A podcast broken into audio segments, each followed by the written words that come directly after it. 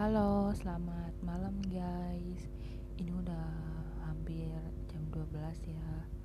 Yang masih bangun berarti lagi nungguin 12-12 ya. Sama aku juga. Hmm, ya barangkali aja sekarang rezekinya kita akan dapat diskonan gede-gedean. Amin.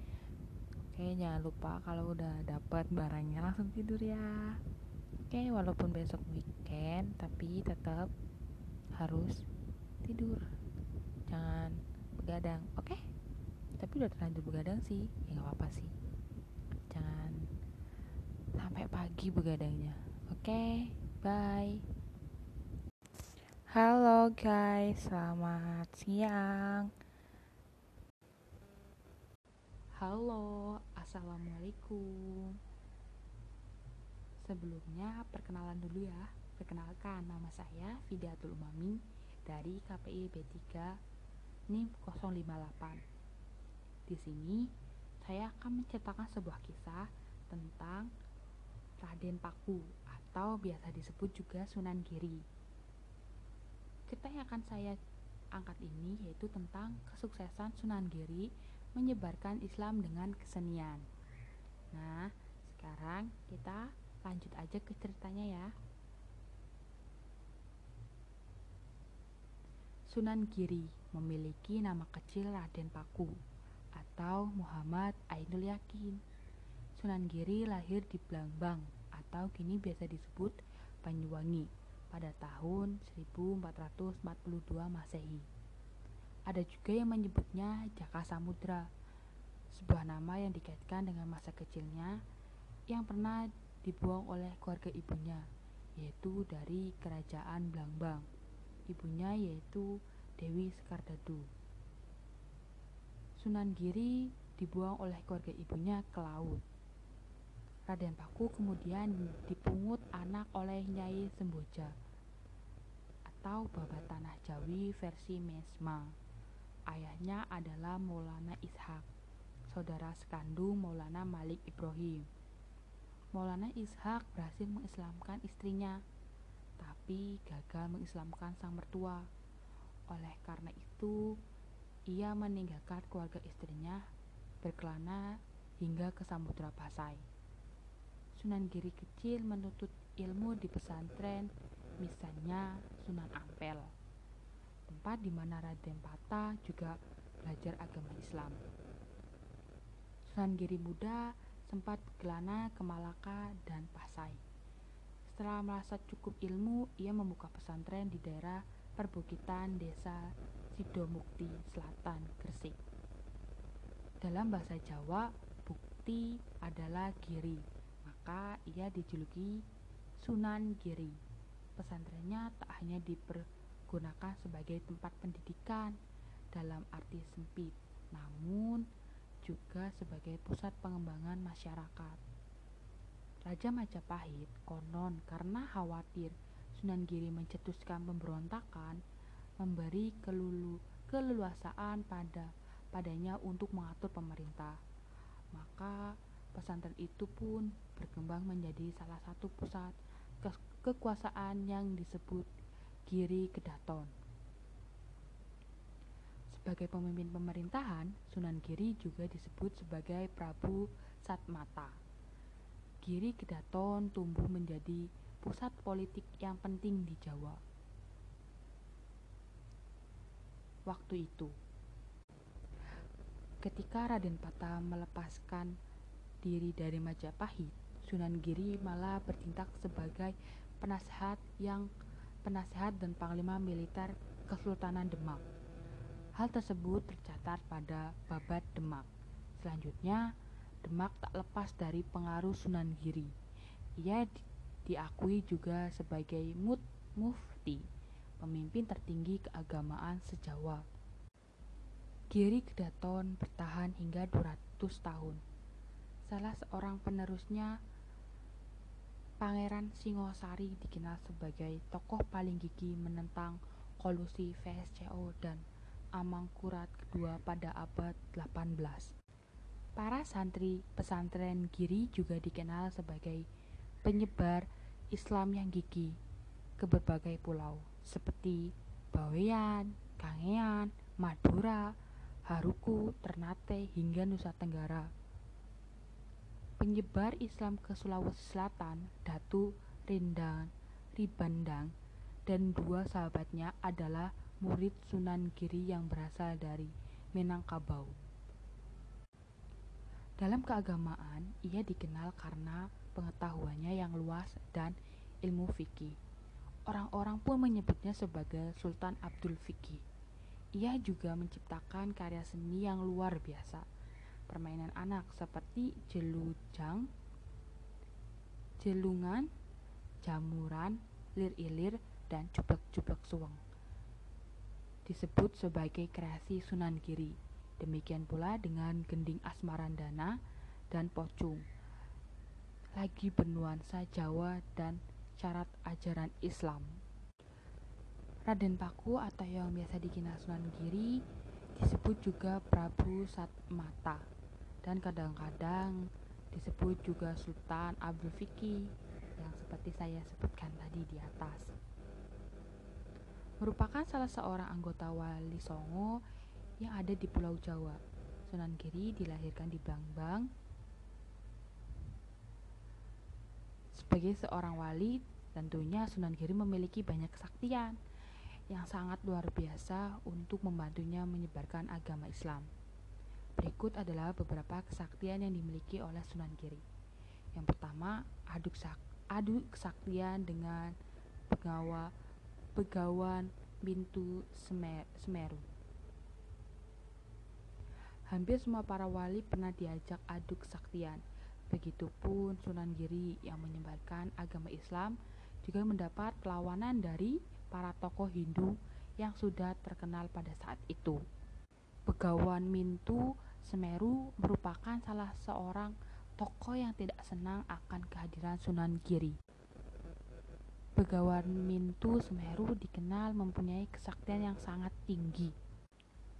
Dengan kehadiran Sunan Giri yang berdakwah membuat dia tidak terima dan kemudian menantang Sunan Giri untuk adu kesaktian. Bengawan Mintu Semeru pun datang ke Gresik untuk beradu kesaktian dengan Sunan Giri. Saat itu terjadi empat pertarungan seperti merubah angsa menjadi seekor naga, menyusun ribuan telur, adu kesaktian jubah serta ikat kepala dan menerbangkan tempayah atau wadah air. Dari semua adu kesaktian itu, semua bisa dimenangi oleh Sunan Giri dan Bengawan Minto Semeru. Mengaku kalah. Akhirnya Bengawan Minto Semeru menjadi pengikut Sunan Giri dan menjadi santri di pesantren milik Sunan Giri. Kesaktian Sunan Giri selanjutnya yaitu mengubah pasir menjadi barang dagangan.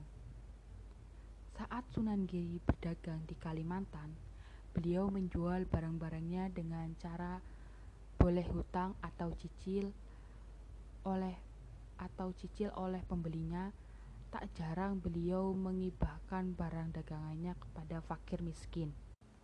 Sunan Giri pun diprotes Abu Hurairah melakukan selaku orang kepercayaan Nyai Ageng Pinati. Ia khawatir perbuatan Sunan Giri akan membuat mereka rugi. Hal itu pun benar terjadi. Setelah 10 hari dan sampai waktu pulang ke Jawa, para pembeli yang berhutang belum membayarnya.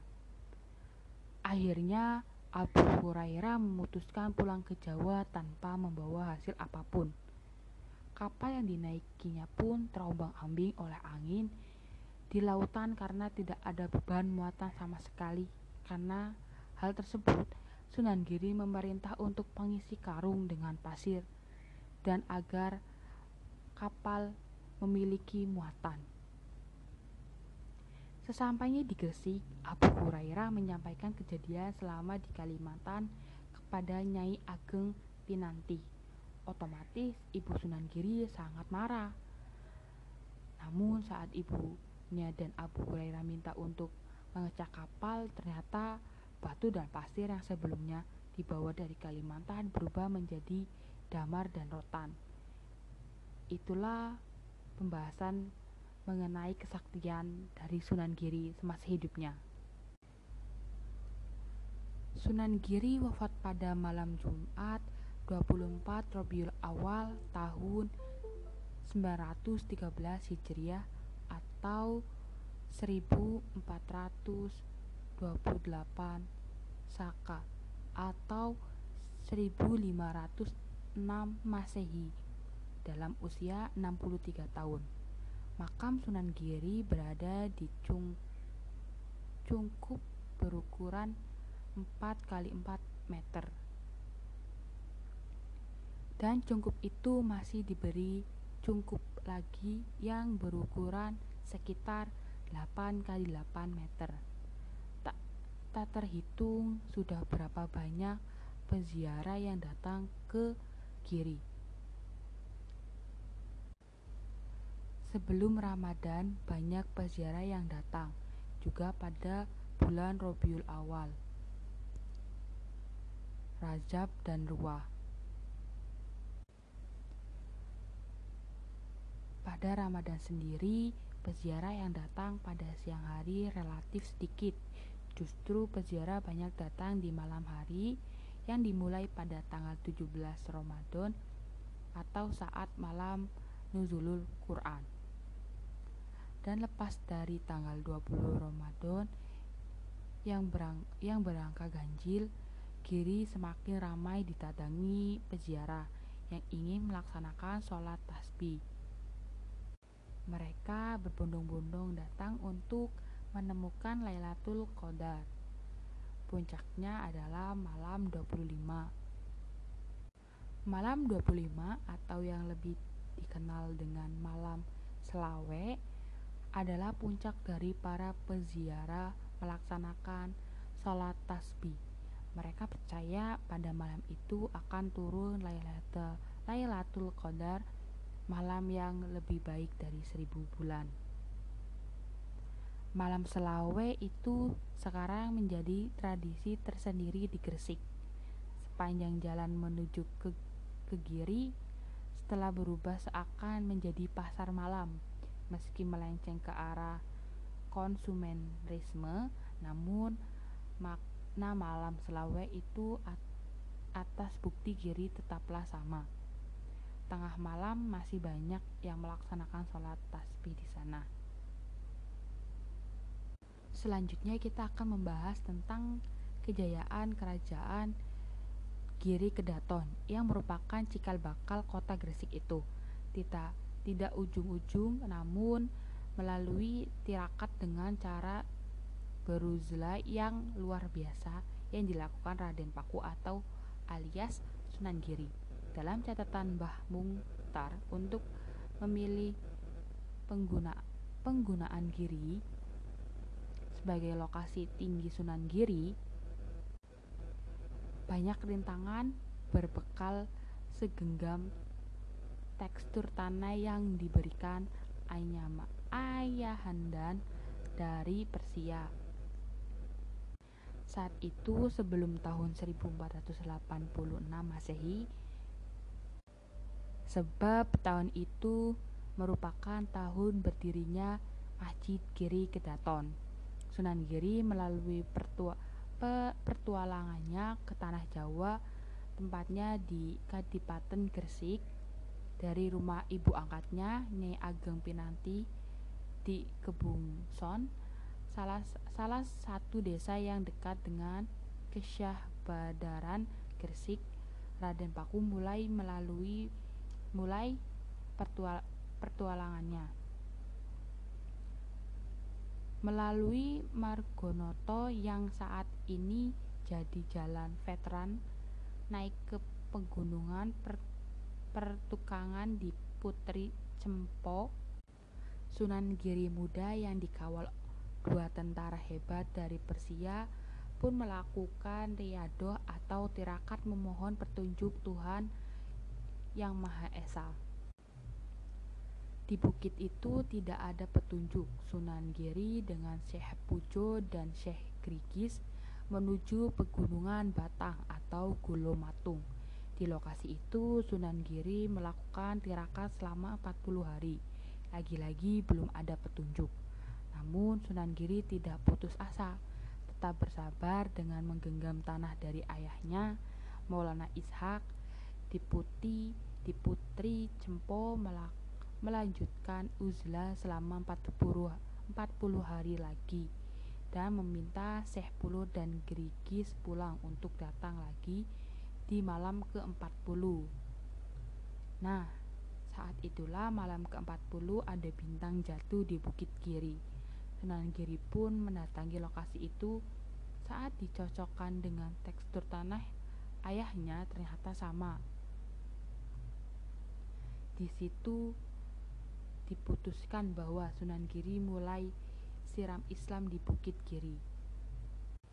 Setelah menjadi tempat tinggal juga menjadi pesantren, pesantrennya Giri Kedaton.